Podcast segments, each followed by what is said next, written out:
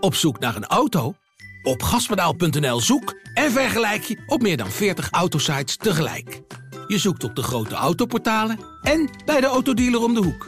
Je hebt het grootste aanbod en maakt daarom de beste vergelijking. En zo mis je nooit meer een auto. Zoek en vergelijk op gaspedaal.nl.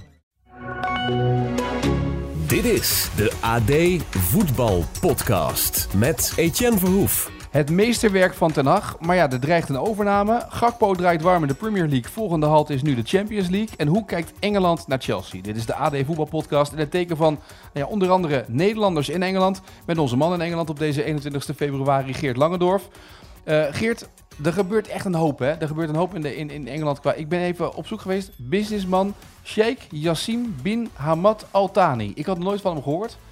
Maar, nee, uh, en zijn naaste medewerkers ook niet. Eh, de woordvoerders uh, die kwamen aan de lijn zaterdag voor de, voor de Engelse pers. En die, en die vroegen een hele simpele vraag: hoe oud is die? En dat, en dat wisten ze niet. Ze hadden hem zelf nog nooit in levende lijven gezien. En volgens mij, als je in Qatar rond gaat vragen, is ook niet echt iemand die, die, waar gelijk allerlei belletjes gaat rinkelen. Nee, maar schijnt in Heeft Qatar, veel... Dus Altani schijnt wel een naam te zijn in Qatar die, die de invloedrijke mensen hebben, geloof ik, hè? Ja, ja, dat klopt inderdaad wel. Hij is de zoon van de, van de voormalige premier. Maar iedereen uh, die, daar, die, die, die, tot die familie behoort, die heel erg groot is, uh, heeft wel ergens een, uh, een, rol van invloed. En deze man die heeft, heeft in Engeland gestudeerd, heeft op dezelfde militaire academie gezeten als, als onder meer Prins Charles, Sandhurst. Ik weet niet of de, of, de, of de luisteraars ook de Crown kijken, maar daar had hij niet zo heel erg naar zijn zin. Ja, deze man is, is nu gevestigd in, weer in Qatar en geeft leiding aan een bank. En uh, hij heeft zelfs al een, een, een bedrijf opgezet waar, uh, waarmee de verkoop dan uh, zou moeten lopen. 92 Foundation, wat een knipoog is naar The Class of 92 van Paul Scholes en Beckham en, en Gary Neville. Ja, en een en, echte fan. Alleen, kon, alleen konden zijn medewerkers ook niet vertellen hoe hij dan al dat geld zomaar uit zijn eigen achterzak kon halen. Ja. Dus daar worden natuurlijk wel vraagtekens bij gezegd. Of eigenlijk, we weten het allemaal wel. Het komt gewoon rechtstreeks van, van de Qatarese regering, die weer een nieuwe club willen kopen. Ja, wat dat betreft maakt het dus heel boeiend, want je hebt dus nu Manchester United dat te koop staat. En dat verhaal gaat dus nu vlak voor de deadline van de Glazers, de zogenaamde zachte deadline die het werd genoemd. Dus ze hadden een bod binnengekregen van die Redcliffe, die man van Ineos. En daar kwam dus nu uh, het bod bij uit Qatar. En dan gebeurt het natuurlijk van alles, hè. Want bedoel, die club gaat goed, dus het is nu interessant om te kopen, toch? En dan, dan is 5 miljard, nou ja, dat is geld. Maar voor Qatari is dat natuurlijk gewoon wisselgeld. Ja, dat is zeker wisselgeld. En zeker als je kijkt uh, naar het WK wat ze hebben georganiseerd. Volgens mij heeft dat in totaal 200 miljard gekost. Uh, ze hebben Paris Saint-Germain, waar ze links en rechts uh, met nou, honderden miljoenen smijten om Neymar, Messi en, en Mbappé tevreden te houden. Het blijft Parijs in Ligue 1. En dat is natuurlijk, als je, als je een beetje mee wilt tellen in deze wereld, is natuurlijk niet uh, de competitie waar je, ja, waar je in wil uh, shinen. Uh, dan wil je gewoon in, in Engeland zitten, in de Premier League. En dan het liefst bij een van de meest historierijke clubs. Dus dan is inderdaad 6, 6 miljard, 5 miljard is snel gevonden dan inderdaad. Ja, maar goed, heeft de nacht hier een boodschap aan? Wordt nacht hier naar gevraagd in Engeland of helemaal niet? Nou, hij wordt er zeker naar gevraagd en hij reageert dan uh, heel ten hags van uh, nee, daar, daar, daar, houden we ons helemaal niet mee bezig. Wij houden ons alleen maar bezig met de volgende wedstrijd. En, en dat is het. Hij zal natuurlijk wel in zijn achterhoofd denken van wacht even, als, uh, als die zomerse transferperiode eraan komt. ja, wat kan ik? Wat mag ik? Als die verkoop op zich laat wachten, kan ik überhaupt wel aankopen doen? Want dat, want dat mag dan niet totdat het helemaal is afgerond. Of, of blijven de glazers dan toch nog even nog, nog, aan en gaan die dan aankopen voor me doen? Dat is eigenlijk denk ik het enige waar hij zich een klein beetje mee bezighoudt. Maar op het moment, uh, ze doen het gewoon fantastisch. En ze kunnen zelfs kampioen worden. Dus uh, ik kan me ook wel voorstellen dat hij zo reageert. Want iedereen die ligt aan zijn voeten op dit moment. Nou, sterker nog, ik las dat fans zelfs een soort van eis hebben neergelegd. Dat de overnamekandidaat alles mag doen behalve de nacht ontslaan. Kijk, nou, dat is natuurlijk wel een uh, behoorlijke veer in zijn hoed. Want toen die kwam, eigenlijk hetzelfde als die Qatarese sheik. Niemand kende hem. Ja, van gezicht, van, van de Champions League wel eens. Maar niet als, uh, als de grote verlosser. Nee. En zo noemen ze hem wel. Ook in de, in de tabloids wordt hij, wordt hij nu omschreven als, als een magier, als een, als, een, als een tactisch genie. Ja, dus wat dat betreft, als die sheik inderdaad denkt van ik wil, ik wil Ancelotti halen of uh, toch weer Mourinho of, uh, of Klopp, bewijzen van spreken. Ja. We gaan de fans daar wel voor liggen inderdaad. Ja. En die, en die Radcliffe, die wilde toch ook eerst Chelsea overnemen. Dus clubliefde gaat zover dat als je in Londen geen club kan vinden, dan doe je het maar ergens anders, of wat? Ja, exact. Uh, hij komt wel uit Oldham, ja. uh, Greater Manchester. Hij is echt ook een, een Man United fan. Maar het is bovenal een, een, een miljardair. Uh, die de laatste jaren, hij is inmiddels begin 70, vooral heel veel investeert in sport. Hij zit in de, in de, in de Formule 1. Hij heeft een, uh, een groot aandeel in, in het team van Mercedes, waar, waar Lewis Hamilton voor rijdt. Hij heeft aan de America's Cup, die, die zeilrace heeft hij, heeft zich verbonden aan Sir Ainsley, geloof ik heet hij. Uh, en er zijn er talloze, talloze andere projecten waar hij nu induikt. En natuurlijk het wielerteam. Hij heeft natuurlijk uh, Sky overgekocht en dat, en dat weer omgevormd tot een, uh, tot een topteam. Maar het lijkt altijd bij dit soort dingen, net als bij Chelsea. hij wil laten zien dat hij, dat, dat hij de langste heeft. Is. Ja. ja, en dan op het laatste moment trekt hij zijn keutel weer in. Dus ik denk dat je hem een klein beetje moet afwachten tot, tot het moment dat hij zich terugtrekt. Maar in ieder geval, de fans die, die zouden hem heel graag zien komen. Ja, maar goed. De, houdt dit nu eh, de Engelse media dagelijks bezig? Het eh, overnamespel bij United? Ja en nee, maar aan de andere kant, eh, we zijn het inmiddels gewend. Uh, we hadden natuurlijk begin dit jaar Chelsea, wat in ene keer uh, verkocht moest worden, omdat Abramovic op de zwarte lijst gezet was als vriend, dan wel zakelijke vriend van, uh, van Poetin. De club werd in de verkoop gezet. Dat was een, een maandenlang circus. En vervolgens werd Liverpool in de verkoop gezet, al zegt de eigenaar nu weer eventjes van niet. En, en nu Man United. De Newcastle hebben we natuurlijk ook nog gehad. Het is min of meer normaal geworden dat dit soort bizarre bedragen worden geboden op, op clubs in het oosten, westen, noorden en zuiden van het land. Ja, maar die Engelse media duiken hier toch bovenop? Die willen toch alles weten van, van zo'n Sheikh of van, van Radcliffe en wat ze ermee willen of niet? Ja, inderdaad, dat zou je zeggen. Alleen het grote probleem is, is dat, ze, dat ze nog totaal geen details bekend hebben gemaakt en dat ook niet gaan doen. Totdat de boden zeg maar, zijn geaccepteerd. Uh, want dan krijgen, de, uh, krijgen ook beide kampen die krijgen dan inzagen in de papieren, in de boeken. En, dan wordt het, en, en andersom moet dan natuurlijk heel goed duidelijk worden wat er exact aan de hand is. Ja. Bij de Qatarees is, zal het iets lastiger worden. Iets lastiger worden. Want hij zal moeten bewijzen dat hij geen onderdeel uitmaakt uh, van de Qatarese staat. Die, die, die via een, een investeringsmaatschappij ook al dus Paris Saint-Germain bezitten ja, van de UEFA mag dat niet, want dan mag je niet in dezelfde competitie uitkomen. Aan de andere kant wordt er in Engeland een, een wet, binnen, als het goed is, binnen drie weken van kracht, waar voor buitenlandse eigenaren veel moeilijker wordt om zich in te kopen in een club.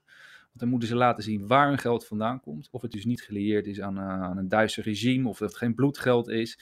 En uh, of inderdaad degene die zegt dat hij de rijke man is, ook daadwerkelijk de geldschieter is. En niet dat het inderdaad via een drie, vier geheime bankrekeningen in het Caribisch gebied eh, bij hem op de rekening komt. Dat, wordt nog wel, dat krijgt nog wel een behoorlijke staart als hij inderdaad de koploper blijft en inderdaad die club wil gaan overnemen. Dus komen we redelijk laat met deze wetgeving. Als dat naar Newcastle hadden ze dan kunnen bedenken dat dit zou gebeuren. Maar nu komt die wetgeving, gaat, wordt van kracht. Dus binnen drie weken zou dit eigenlijk dan beslist moeten worden en, en geregeld moeten worden eigenlijk, toch?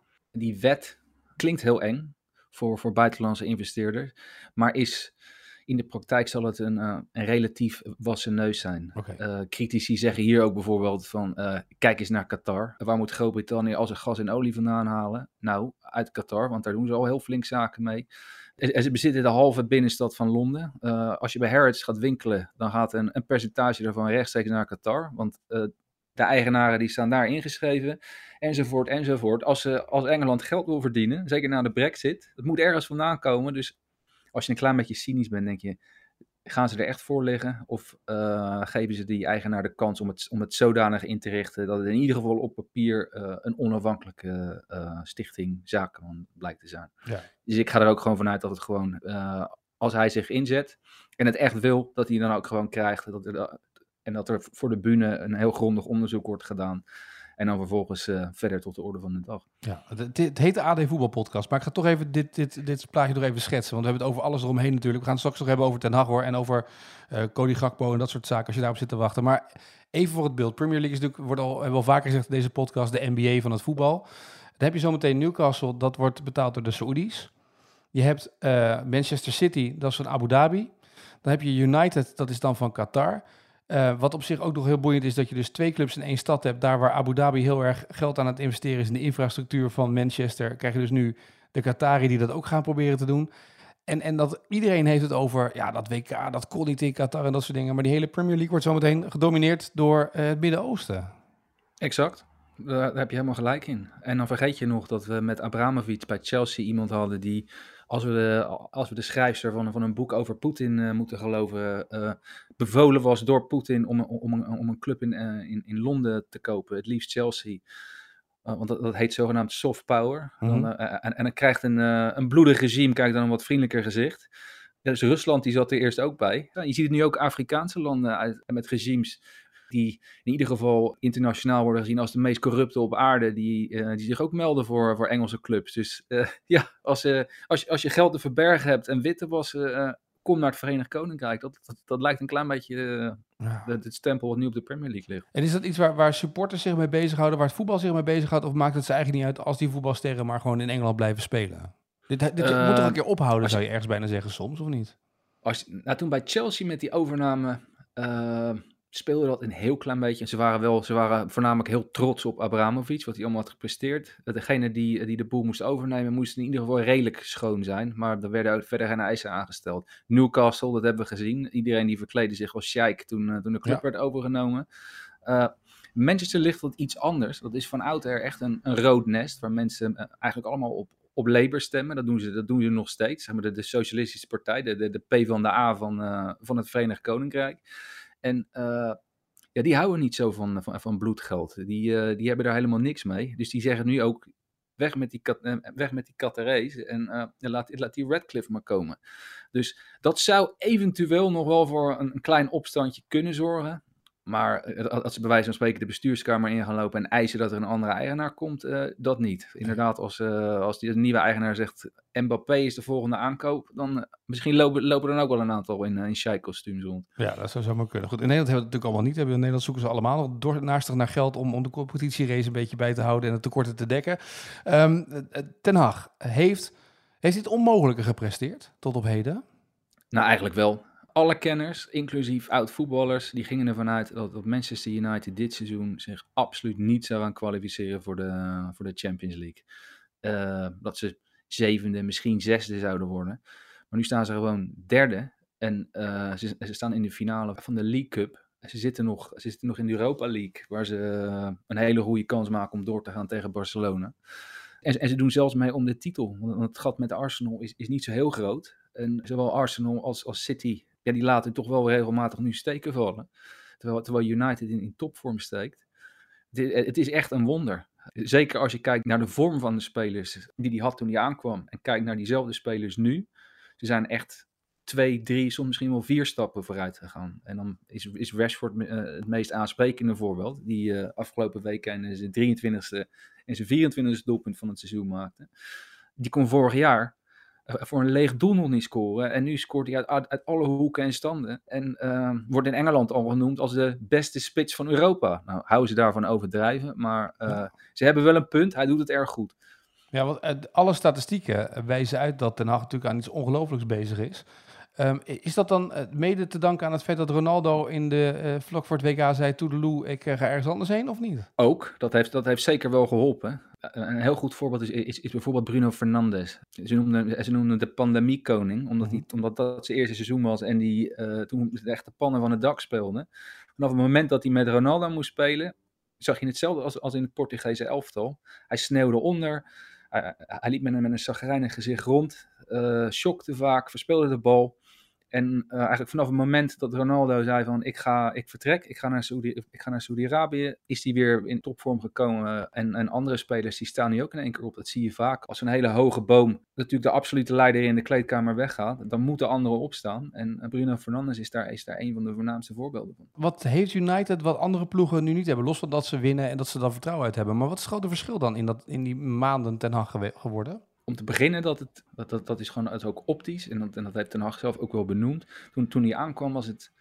Het was niet eens een dode boel. Het was, er heerste echt een begrafenisstemming. Er waren meerdere kampen in de kleedkamer, uh, ruzies, af en toe een vechtpartij. Je, je, kon op het veld zien dat spelers niet met elkaar op konden schieten en, en niet voor elkaar wilden werken. Uh, naar elkaar vloeken. Natuurlijk een, een doodzonde uh, op een voetbalveld is dat medespelers elkaar gaan uitkaffen. Nou, dat zag je, dat zag je daar regelmatig. Mhm. Spelers die totaal geen zelfvertrouwen meer hadden. En dat heeft Ten Hag mede ook door, door slimme aankopen, door, door, door, door frisse, ervaren types erbij te halen. Natuurlijk Casemiro daar het belangrijkste voorbeeld van.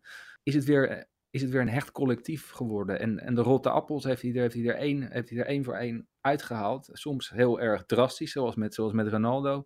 Maar bijvoorbeeld ook met, uh, met iemand als Maguire, waar duidelijk niet iedereen 100% goed mee, mee kan opschieten. Sinds, uh, sinds die weg is uit het centrum, fleuren de backs ook weer op.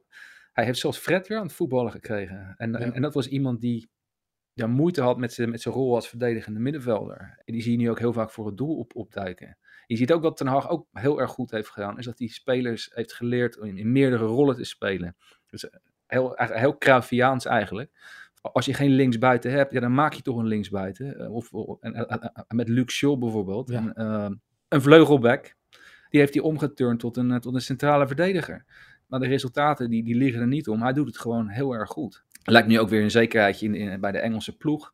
Uh, als je kijkt naar Tyrell Malasia, uh, hij kon aardig voetballen natuurlijk, dat liet hij bij Feyenoord al zien. Maar iemand die voornamelijk heel erg hard langs de lijn daverde, trekt nu naar binnen als een, als een soort uh, Cancelo en, en helpt het middenveld om, om, om een overtalsituatie te creëren. Zo heeft hij allemaal spelers een kleine brokjes nieuwe informatie gegeven en, en het werkt. Ja. En, ja, en, en als je eenmaal wint, ja, dan wordt de sfeer natuurlijk ook beter. En hij heeft ze duidelijk geleerd dat ondanks een heel hoog salaris, dat de meesten toch wel hebben, dat je, dat, dat je niet tevreden moest zijn. En dat laat Ten Hag ook wel heel duidelijk merken. Hij, zei, hij is nooit tevreden. Dat was hij bij Ajax natuurlijk ook nooit. Hij had altijd wel iets aan te merken.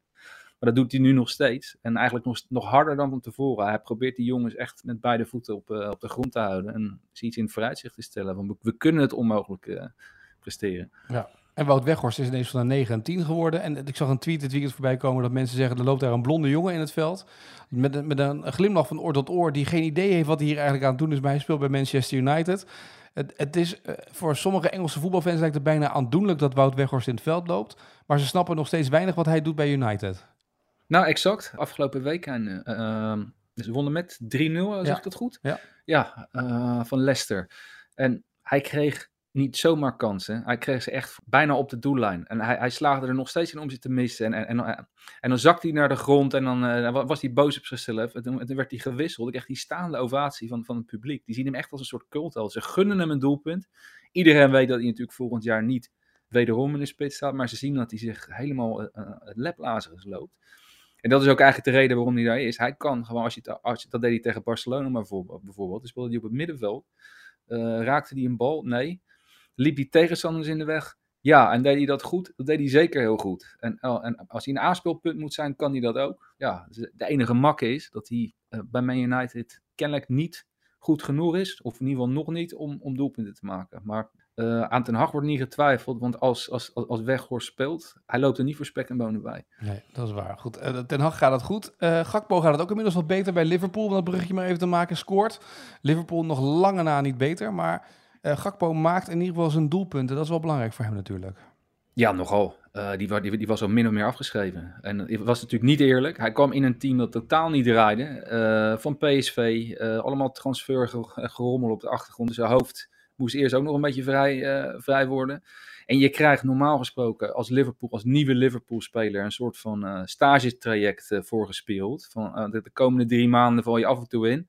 Maar het meeste moet gebeuren op het trainingsveld. Want onze tactiek en onze speelwijze en, en de fitheid die je nodig hebt, is niet zomaar aan te leren. Dat, dat is moeilijk.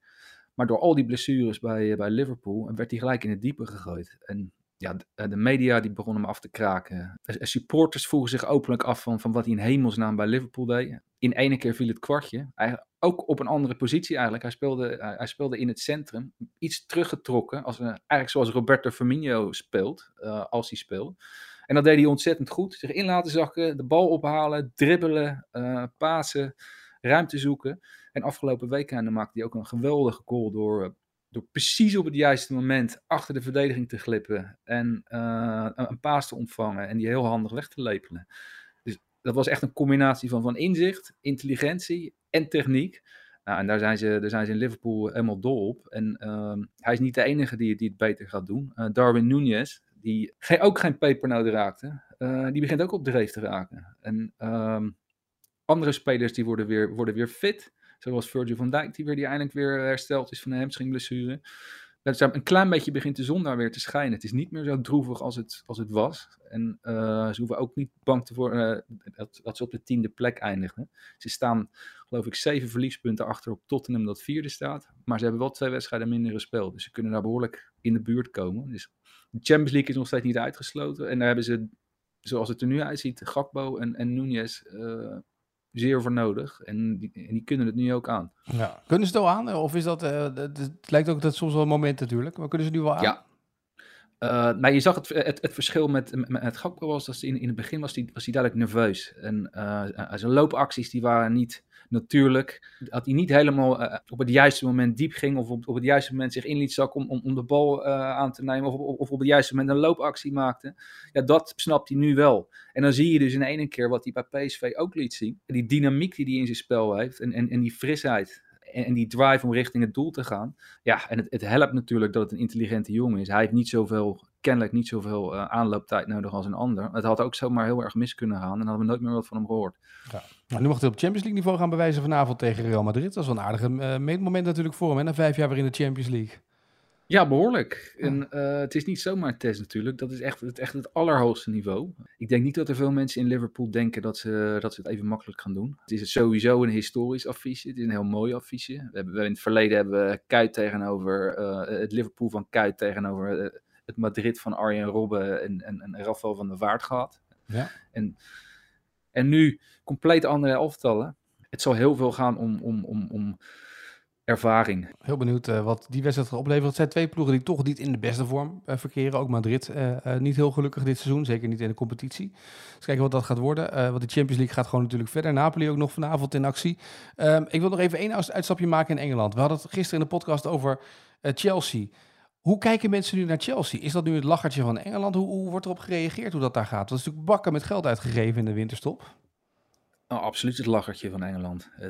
Ik moet eerlijk zeggen, het is ook vrij hilarisch om te zien als je 300 miljoen euro uitgeeft uh, in de winter. En in totaal 500 miljoen geloof ik, als je het bij elkaar optelt. En eigenlijk geen één aankoop rendeert. Enzo Fernandes niet meegerekend. Die speelt aardig, alleen kan je er niet aan afzien dat, dat die 120 miljoen euro gekost heeft. Maar dat, die past naadloos in het elftal. Al die andere nieuwe sterren, waar ze ook vandaan komen. Oekraïne, Frankrijk. Het loopt, het loopt voor geen meter. Als je dan ook nog verliest tegen de nummer laatst Southampton, dan lacht iedereen. Het is, het, het, is een beetje zielig voor Graham Potter, de trainer. Want die, die, laat, die straalt in alles uit dat hij ook niet meer weet hoe het moet. Ja. En ook laat zien dat eigenlijk de schoenen van de club voor hem veel te groot zijn. En uh, ja, die moet er gewoon rekening mee houden dat het binnen nu en twee weken op straat staat. Maar ik denk dat er buiten Chelsea-fans, die, die natuurlijk woedend zijn, uh, heel weinig mensen zijn die medelijden hebben met, uh, met Chelsea na, na deze bizarre uitgaven. Ja. Overigens ben jij gisteren in Londen gaan lopen. Heeft uh, Abramovic nou nog een huis of niet? Uh, het schijnt van wel. Ja, ik ben in een, in een bustour geweest waarin ze gingen aanwijzen uh, waar de oligarchen allemaal, allemaal panden hebben of hadden. Al hun tegoeden en, en, en bezittingen die zijn bevroren. Maar ze kunnen er ja, via een achterdeurtje het, het nog redelijk goed, kunnen nog redelijk goed boeren. Maar ik heb wel huizen gezien van bijvoorbeeld Oesmanov, de voormalige mede-eigenaar van, van Arsenal. En die weet niet wat je ziet. Ik weet niet hoeveel slaapkamers jij nodig hebt. Maar hij had er geloof ik, hij had er geloof ik een stuk of 25. Uh, oh. Alleen al. Het was het hoofdverblijf. Ik, ik weet niet hoe, hoe, hoe het met de gastenverblijven stond. ja, en die panden van Abramovic, die staan nog steeds uit te blonken. Ze zijn nog wel van hem.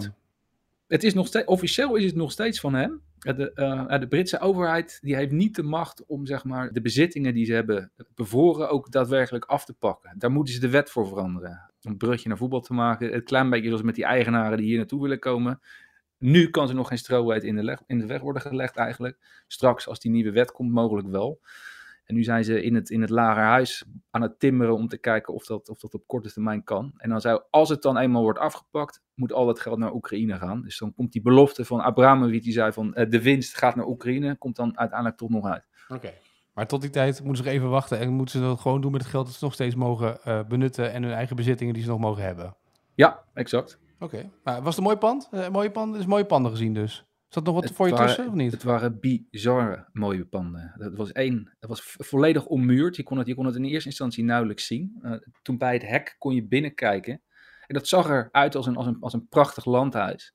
Totdat, uh, totdat de tourgids zei van, um, ja, dat is maar de helft van de oppervlakte. Dus iedereen vroeg zich, waar is dan de rest van de oppervlakte? Dat is ondergronds gebouwd. Er zitten drie verdiepingen ondergronds, inclusief een Olympisch zwembad. Uh, een parkeergarage voor 25 auto's en een uh, volledige uh, bioscoop op, op, echt bioscoopgrootte. Dat waren een van de, van, van de, van de kleine extraatjes die de, die de eigenaar zich had laten, laten aanmeten. Dus Ja, dat waren inderdaad mooie huizen, ja. Ja. En kun je die gewoon boeken, die tour, of is dat alleen voor journalisten?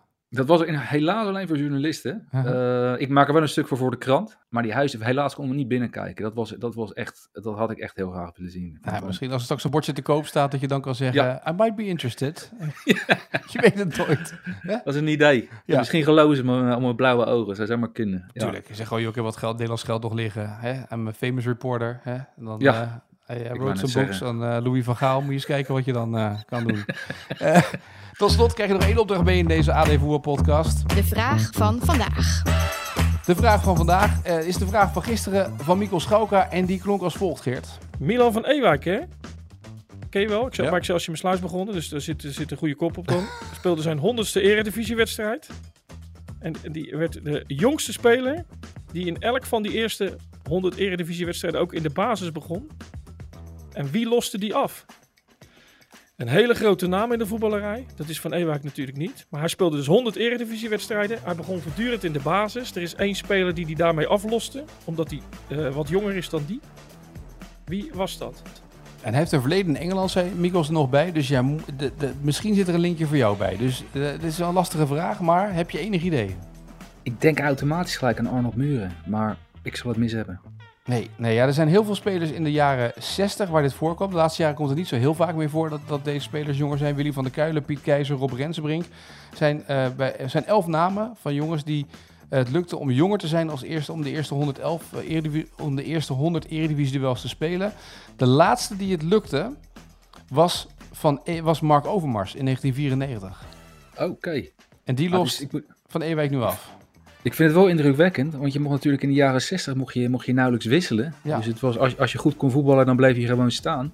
Maar nu eh, dan moet je wel heel erg goed zijn om, eh, om dat voor elkaar te krijgen. Dus Ja. eh, hulde. Ja, dus Van Ewijk, de man die dat record in ieder geval nu weer... Mark Overmars was de laatste jongere speler dan Van Ewijk die dat, die dat deed. Dus eh, dat record staat eh, bij Van in, eh, in de boeken. Bij deze. De vraag voor morgen is aan jou, dus jij mag afsluiten. Over Manchester United. Want die spelen aanstaande donderdag tegen Barcelona in de return. Ze hebben niet heel vaak onderling wedstrijden tegen elkaar gespeeld. De laatste keer dat ze Barcelona ontvingen was op 10 april 2019.